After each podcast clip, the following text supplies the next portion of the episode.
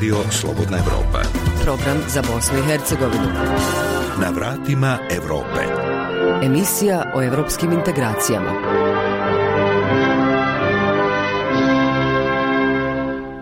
Srdačan pozdrav, poštovani slušaoci, moje ime je Gojko Veselinović. U današnjoj emisiji poslušajte.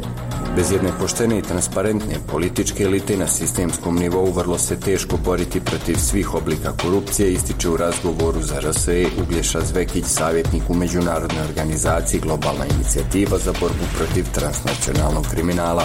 Zvekić napominje da na papiru zemlje Zapadnog Balkana imaju dobre antikoruptivne zakone i strategije, ali se one u praksi ne sprovode. Najveći problem Balkana je ogroman raskorak između nivoa razvijenosti normativne infrastrukture i primene te normativne infrastrukture u praksi. U Zeničko-Dobojskom kantonu počela realizacija projekta energetske efikasnosti vrijednog 11 miliona maraka. Realizacija ovog projekta je praktično počela, a prvi radovi se očekuju početkom jula i ove godine će biti obuhvaćeno 20 obrazovnih objekata koji bi trebali biti završeni do 1. oktobra ove godine. Ostalih 10 će krenuti u realizaciju tokom ljeta naredne godine. Pristup javnosti i transparentnost pravosudnog sistema prema EU standardima bila je tema foruma kojeg su u Sarajevu održali Ustavni sud BiH i AIR centar program za Zapadni Balkan. Sudovi su dužni da daleko transparentnije i javnije se upuštaju u relaciju sa prvenstveno medijima koji, koji su predstavnici javnosti. BiH i Hrvatska pokušavaju riješiti problem graničnih prelaza nakon što je Hrvatska jednostrano donijela odluku da za teretni saobraćaj iz BiH zatvori pet graničnih prelaza. Da ovaj pravilnik koji je praktično donesen, koji nikad do sada nije ni bio primijenjen, da ostane do daljnjeg dok se pravno ne riješi ovaj problem između Bosne i Hercegovine i Republike Hrvatske. Na vratima Evrope. Sada prelazimo na najavljene sadržaje. Globalna inicijativa za borbu protiv transnacionalnog kriminala nedavno je objavila izvještaj Infrastruktura integriteta, korupcija i antikorupcija na Zapadnom Balkanu, koji se bavi analizom ispunjavanja obaveza zemalja Zapadnog Balkana preuzetih na londonskom samitu u okviru berlinskog procesa 2018. godine, u kojem su se vlade ovih zemalja obavezale da će ojačati borbu protiv korupcije. O ovom izvještaju, njegovim nalazima te problemima korupcije koje imaju zemlje Zapadnog Balkana, a posebno posebno BiH, razgovaramo sa Uglješom Zvekićem, savjetnikom u međunarodnoj organizaciji Globalna inicijativa za borbu protiv transnacionalnog kriminala, koji je i ambasador Europske organizacije za javno pravo pri Ujedinjenim nacijama u Beču, te profesor na univerzitetima u Rimu i Milanu.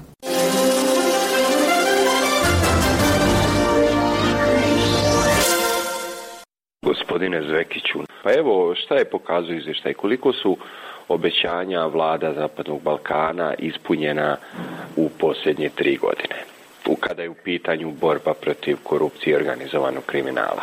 Sve zemlje e, Zapadnog Balkana su više navrata davala obećanja o borbi protiv korupcije.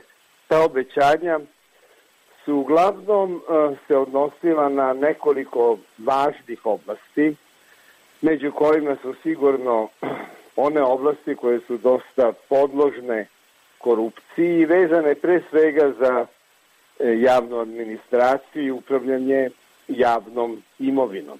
A to su javne nabavke, proces privatizacije, takođe zaštita e, uzbunjivača, zatim sloboda e, medija da, da izveštava i naravno jačanje rada raznih državnih organa kontrole nad e, e, procesima korupcije koje uključuje i razne vrste agencija protiv korupcije. Sve zemlje imaju pod različitim nazivima neko od tih agencija, e, zatim tužilaštva, policija i sudove.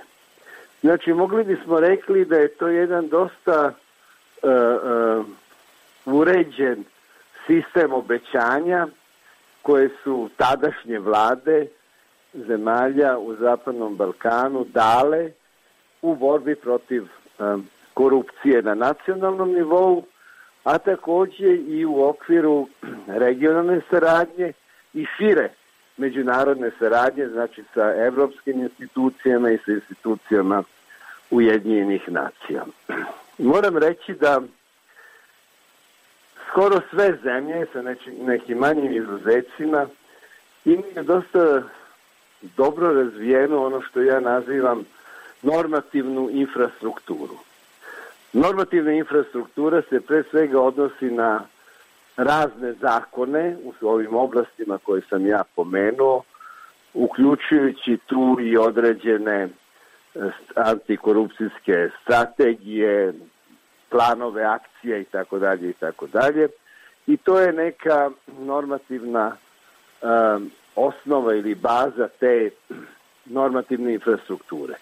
Ali tu normativnu infrastrukturu čine i institucije koje su uh, zemlje uspostavile, ne bili te institucije se bavile prevencijom i e, borbom protiv korupcije. Tu se, kao što sam već pomenuo, pre svega reč o antikorupcijskim agencijama i mnoge zemlje su uvele takozvana specijalna specijalne recimo jedinice u okviru Ministarstva unutrašnjih poslova, to je policije, specijalna tužilaštva za borbu protiv organizovanog kriminala i korupcije, a neke čak i specializovane sudove koji se bave tim predmetima. Najveći problem uh, Balkana je ogroman raskorak između nivoa razvijenosti normativne infrastrukture i primene te normativne infra, infra, e, infrastrukture u praksi. U okviru ovog izvještaja nalazi se i drugi izvještaj politička ekonomija organizovane korupcije i antikorupcija u kojem se navodi da je rezultat svih ovih mjera u stvari u zemljama Zapadnog Balkana organizovana korupcija. Možete li malo pojasniti? E, u nas, mislim tu na naš ovaj region, e, postoji nešto što ja nazivam skoro narodskim jezikom korupcije iz navike i da upotrebim malo profesionalni izraz konvencionalna korupcija a to su razne vrste davanja mita, podmićivanja, e, nepotizam koji se, koji se odnosi prilikom zapošljavanja pre svega u javnim sektorima, ali i u privatnom i tako dalje, e, problemi u školstvu, problemi u zdravstvu i tako i tako dalje i tako dalje. Ja to nazivam korupcijom iz navike zbog toga što je to korupcija na koju su se naši građani nažalost navikli i praktično se više oko te korupcije, osim ono koje je direktno pogođen, niko više mnogo ni ne uzbuđuje. Nažalost, ona je našla neko, uh, neku kulturnu potku u narodu koji ima svoje istorijske, ima svoje političke e, korene, e, ja mislim da je ona dosta tolerisana i da to određenim e, strukturama političkim, ekonomskim i kriminalnim odgovara da takva vrsta jedne tolerantne korupcije postoji. S njom možemo i da se na neki način nosimo bez nekih naročito velikih društvenih posledica. Ona pandan i daleko ozbiljnija korupcija, tako ja nazivam organizovana korupcija. Organizovana korupcija zapravo predstavlja jedan uh, od načina korišćenja raznih oblika korupcionih radnji od strane organizovanih interesnih grupa. Te organizovane grupe mogu biti kriminalne, znači organizovana kriminalna grupa se vrlo često koristi, čak danas mnogo češće nego nekim drugim metodama, korupcijom ne bili e, svoj nelegalno ostvareni profit plasirala u državni, društveni, ekonomski i politički sistem. Ali to ne mora samo da bude kriminalna organizovana grupa. To mogu da budu potpuno legalne grupe, kao što su, na primjer, obično se priča o njima, političke partije, razna udruženja, e, sportski klubovi i tako dalje i tako dalje, e, biznis koji svi oni koriste korupciju kao način da dođu e, do ostvarenja nelegalnog profita u okviru jednog sistema održavanja na vlasti ili političkog prikrivanja i pokrivanja određenih nelegalnih e, aktivnosti kojima se ove grupe bave. Moram reći da je organizovana korupcija, to nije samo fenomen Balkana, ima ih i drugim delovima sveta, ali ovde je jako raširena i praktično je jako dobro legla na onu korupciju iz navike o kojoj sam malo pre pričao. Ona dakle predstavlja taj jedan vrlo specifičan spoj, što bismo profesionalnim jezikom nazvali, e, spoj dakle političkog, biznis i kriminalnog establishmenta na Balkanu.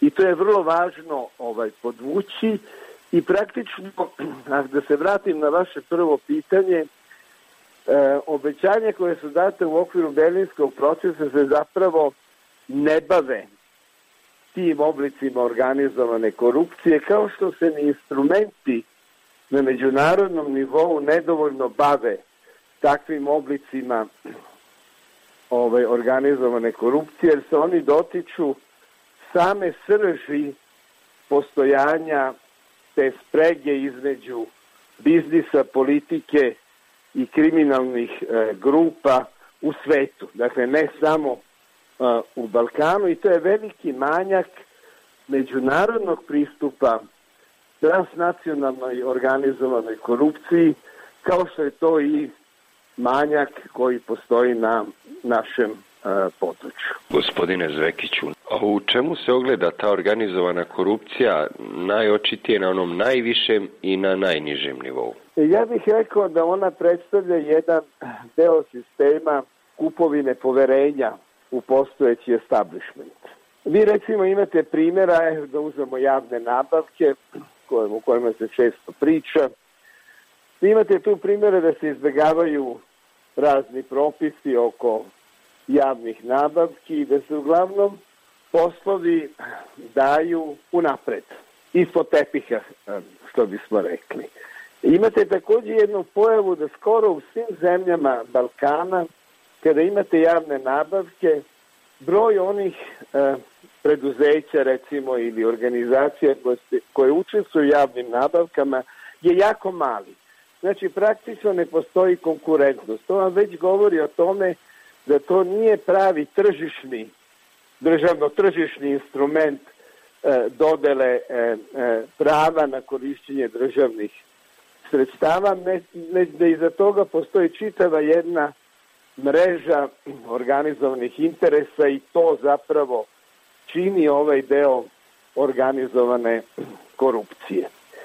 Onaj da tako kažem malo niži primer toga je recimo lokalna vlast gde političke stranke koje osvoje lokalnu vlast, svi smo imali manje više razne te izbore kada dođu na vlast daju prednost recimo prilikom zapošljavanja u raznim državnim ustanovama, školstvu i tako dalje, ljudima koji su slične političke pripadnosti i to je taj takozvani političko-ekonomski nepotizam koji je jako raširen i koji predstavlja zapravo deo sistema održavanja i osvajanja vlasti na lokalnom, a nekada i na nacionalnom nivou. Gospodine Zvekiću, kako je stanje u Bosni i Hercegovini? Videli smo tokom pandemije na najgori mogući način kako funkcioniše, kako ste vi to nazvali, organizovana korupcija. Imali smo brojne afere sa vrlo visokim zvaničnicima e, oko javnih nabavki, nemogućnost nabavki vakcina, razne malverzacije, pronevjere, nabavke imaginarnih bolnica i tako dalje. Pa evo, e, da li je možda stanje najgore u Bosni i Hercegovini, kakvo je ono i da li ona kao ovaka komplikovana i razdijeljena država ima šanse da u nekom doglednom vremenu napravi neki iskorak u borbi protiv korupcije. Bosna i Hercegovina, kao što ste i sami rekli, naravno je jedna vrlo uh, složena ustavno, politički i teritorijalno vrlo složena državna organizacija. E, vi imate u Bosni i Hercegovini praktično svakoj od jurisdikcija po jednu od agencija koja se bori recimo protiv korupcije.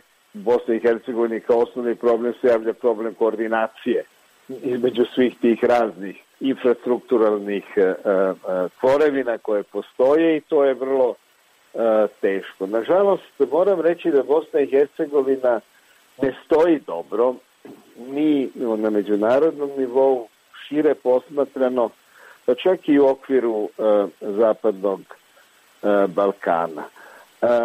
Bosni i Hercegovini možda nedostaje najviše e, onog što sam ja nazvao normativne infrastrukture. Ona još nije uspela ni da razvije neke osnovne pretpostavke koje bi dale šanse za efikasniju borbu protiv korupcije, uključujući recimo i to znam da su u okviru sada pregovori oko novog zakona o javnim nabavkama i tako dalje i tako dalje, a to su nekakve osnove da bi se bilo šta uh, uradilo. Međutim, uh, moram da se vratim na ono što sam ranije uh, govorio, svi imamo šanse.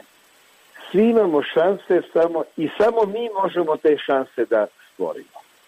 Niko drugi nam neće te šanse stvoriti. Mi ne smemo očekivati da će nam Evropska unija ili neko s polja stvoriti šanse da se mi oslobodimo ovog našeg tereta i ovih niza primjera koji ste vi sami e, naveli e, korupciji. To je moguće uraditi.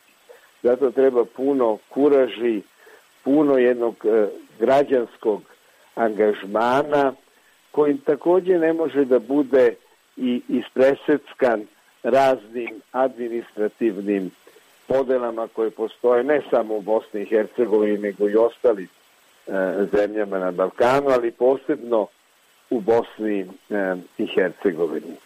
Mislim da, nažalost, u Bosni i Hercegovini postoji neki džepovi u kojima je ta korupcija malo više izražena nego u drugim delovima Bosne i Hercegovine, znači ni Bosna i Hercegovina nema isti nivo, da tako kažem, korupcije i ona je tu dosta a, a, rasparčana, a, što pokazuje da je pot, da su potrebni daleko, daleko veći napori ka jednoj koordinaciji, ja bih rekao jednom relativno uniformnijem harmonizovanijem, da tako kažem, pristupu u borbi e, protiv korupcije u oba entiteta i u svim ostalim e, administrativnim podelama koje postoje u Bosni i Hercegovini. Eto, hvala vam puno, gospodine Zvekiću, na ovom razgovoru.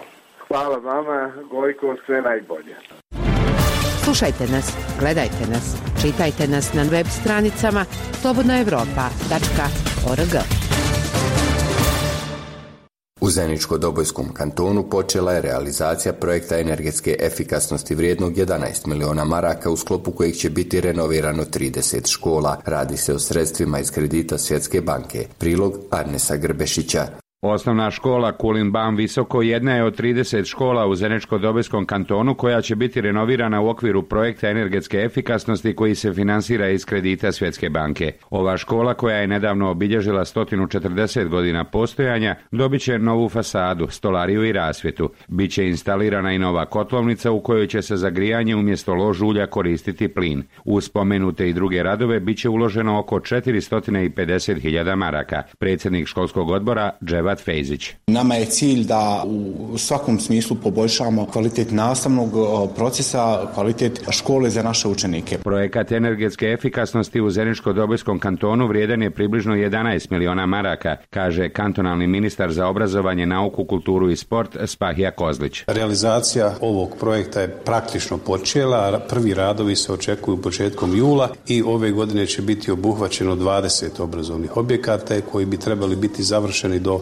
1. oktobra ove godine. Ostalih 10 će krenuti u realizaciju tokom ljeta naredne godine. Dakle, do kraja ljeta naredne godine završit ćemo 30 obrazovnih objekata na području Zeničko-Dobojskog kantona. Smisao, odnosno cilj ove velike akcije, da tako kažemo, jeste ovaj, uštede u energiji, popravljanje stanja, kvaliteta izvođenja nastave, smanjenje zagađenja i tako dalje. Svjetska banka je krajem 2018. godine odobrila novo finansiranje u iznosu od 32 miliona američkih dolara za investicije u energetsku efikasnost u Bosni i Hercegovini. Ta sredstva predstavljaju dodatak na prethodni paket od 32 miliona dolara iz 2014. godine. Do sada je obnovljeno preko 60 škola i bolnica u kojima je smanjena potrošnja električne i toplotne energije. U sklopu ovog projekta renovirana je i Dobojska škola Dositej Obradović. O postignutim efektima govori njen direktor Vedran Gligorić. U prvoj je odrađen projekat energetske efikasnosti i kad su oni postavili kalorimetar,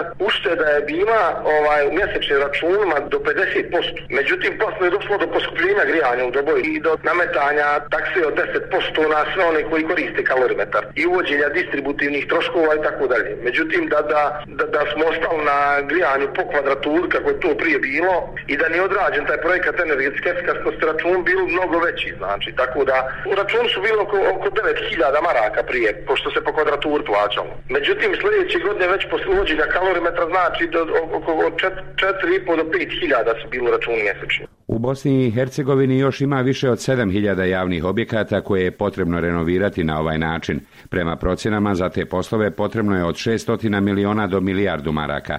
U Bosni i Hercegovini su potrebna i veća izdvajanja iz budžeta na svim nivoima za te namjene, kaže direktorica Centra za ekologiju i energiju iz Tuzle, Džemila Agić. Mi imamo problema sa proizvodnjom i sa potrošnjom energije. Energiju proizvodimo većim dijelom iz fosilnih goriva što nam predstavlja problem. S druge strane, znači imamo zagađenje zraka i imamo objekte koji su trošni, energetski neefikasni i tako dalje. To prepoznaju, ja bih rekla, i građani sada i međunarodne institucije. Ranije analize su pokazale da bi se ulaganjem 100 miliona maraka godišnje u mjere energetske efikasnosti bruto društveni proizvod Bosne i Hercegovine povećao za oko 1% godišnje, što bi rezultiralo otvaranjem približno 4900 novih radnih mjesta tokom jedne godine. Za Radio Slobodna Evropa iz Doboja, Arnes Grbešić.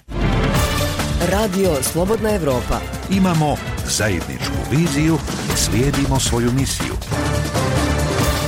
Ustavni sud BiH i EIR, Centar program za Zapadni Balkan, organizovali su četvrtu godišnju konferenciju Pravosudnog foruma za BiH na temu pristup javnosti i transparentnost pravosudnog sistema, evropski standardi i praksa u BiH, pratio Milad Obradović. Pitanje pristupa javnosti i transparentnost sudstva aktualizovano je u vanrednim okolnostima pandemije.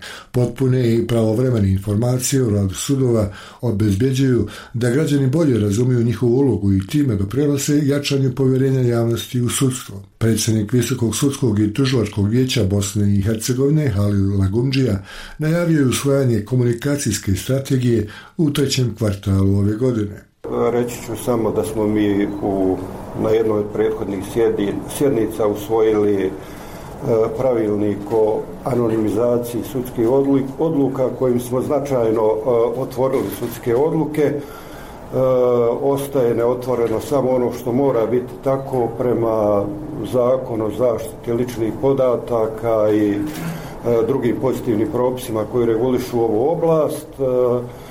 Urađeno je jako mnogo na dostupnosti sudskih odluka kako pravosudnoj zajednici, tako i javnosti. Imamo bazu od preko 13.500 sudskih odluka koje su pohranjene.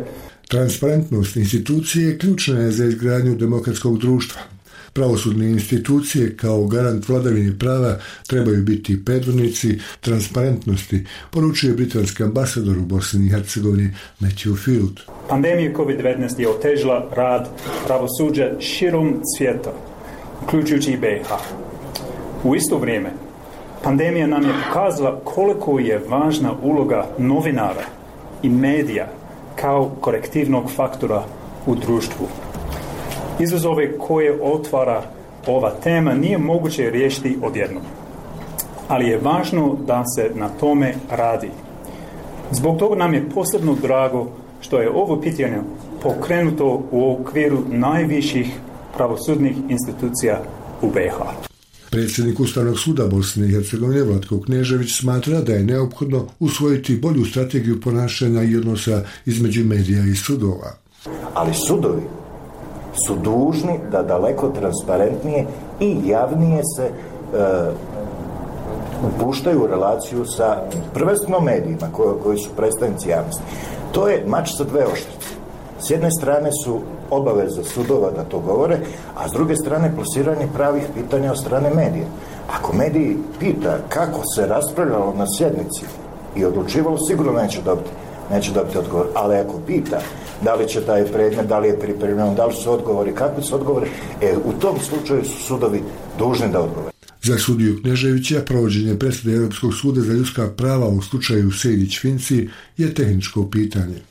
Ali ono što je očito i što je svima jasno, nužna je promjena Ustava u dijelu koji se odnosi na izbor članova predsjedništva, kada e, je riječ o definisanju definisanju člana predsjedništva, dakle srpski, hrvatski, bošnjački ili bošnjački, hrvatski, srpski, kako god, e, da ta definicija ne smije da bude tako isključiva, da se mora ugraditi u tu ustavnu normu i kategorija građana koji se ne izjašnjavaju kao pripadnici konstitutivnih naroda. E sad, na koji način, kojim metodom, moj lični profesionalni stav je da je, je provođenje odluke Sejdić-Finci tehničko pitanje koje zahtjeva 15 minuta vremena, ali sad politički dio ja u taj dio ne, ne ulazim. Za Radio Slobodna Europa i Sarajeva Milad Obradović. Hrvatska je donijela novi pravilnik o prekategorizaciji graničnih prijelaza kojima se na pet graničnih prijelaza između BiH i Hrvatske zabranjuje tranzitni promet teretnih vozila. Nadležni organi BiH pokušavaju riješiti problem pozivajući se na međunarodne ugovore između BiH i Hrvatske dok privrednici najavljuju blokadu svih graničnih prijelaza između ove dvije zemlje ako se problem brzo ne riješi, pripremio Erdogan Katana. Ministar komunikacija i prometa Bosne i Hercegovine Vojin Mitrović smatra da je susjedna Hrvatska jednostrano donijela odluku da za teretni saobraćaj iz Bosne i Hercegovine zatvori pet graničnih prelaza. On je poručio da se pokušava naći rješenje problema iako se radi o odluci organa Hrvatske iz 2008. godine, a koja do sada nije bila provođena. Ono što je u ovom trenutku vrlo bitno to je ugovor koji je potpisan između Republike Bosne i Hercegovine i Hrvatske 2013. o graničnim prelazima i koji u svakom slučaju predviđa ovih pet graničnih prelaza koji su sporni u ovom trenutku Mitrović navodi kako protokol nalaže donošenje određenih odluka između država dogovorom, što kaže u ovom slučaju nije ispoštovano. Zbog toga je u kontaktu sa hrvatskim ministrom mora, prometa i infrastrukture Olegom Butkovićem, sa kojim pokušava riješiti problem. Da ovaj pravilnik koji je praktično donešen koji nikad do sada nije ni bio primijenjen, da ostane do daljnjeg dok se pravno ne riješi ovaj problem između Bosne i Hercegovine i Republike Hrvatske. Ministar trgovine i ekonomskih odnosa Bosne i Hercegovine Staša Košarac kaže da su u ovom problemu obavješteni nadležni organi Europske unije, čija je članica i Hrvatska. Obavijestili smo europsku delegaciju o ovom zastoju, s obzirom da Hrvatska donijela jednostavnu odluku da ona članica Europske unije, da je za nas veoma važno obezbeđivanje spoljnotrgovinskog prometa sa zemljama Europske unije i da to na neki način, a siguran sam, pravi poremećaj kad je pitanje naša domaća privreda. Zbog poteza Hrvatske otvorenim pismom obratili su se i iz Udruženja poslodavaca Federacije Bosne i Hercegovine, koje je upućeno institucijama BiH i delegacije Europske unije u Bosni i Hercegovini, u kojem traže da hitno riješe ovaj problem. U pismu navode da je donošenjem ovakve odluke od strane Hrvatske prekršen protokol 3 o kopnenom prevozu sporazuma o stabilizaciji i pridruživanju između Bosne i Hercegovine i Europske unije. Također upozoravaju da će blokirati sve granične prilaze između Bosne i Hercegovine i Hrvatske za odvijanje teretnog i putničkog saobraćaja ukoliko u što kraćem roku ne dođe do rješenja problema. Iz Banja Luke za Radio Slobodna Evropa, Erdogan Katana. Slušate program radija Slobodna Evropa. Profesionalno, informativno, zanimljivo. I bilo bi to sve za ovaj put. Pratite zanimljive sadržaje Radija Slobodna Europa i dalje putem radio talasa i naše web stranice slobodnaevropa.org. Na njoj možete pronaći podcaste za viri ispod površine, glas o mladih i između redova. Ove podcaste možete pronaći na Facebooku i Twitteru, kao i na Spotifyu, Google podcastima i iTunesu. Iz Sarajevskog studija pozdravljaju vas Enes Hrničić i Gojko Veselinović.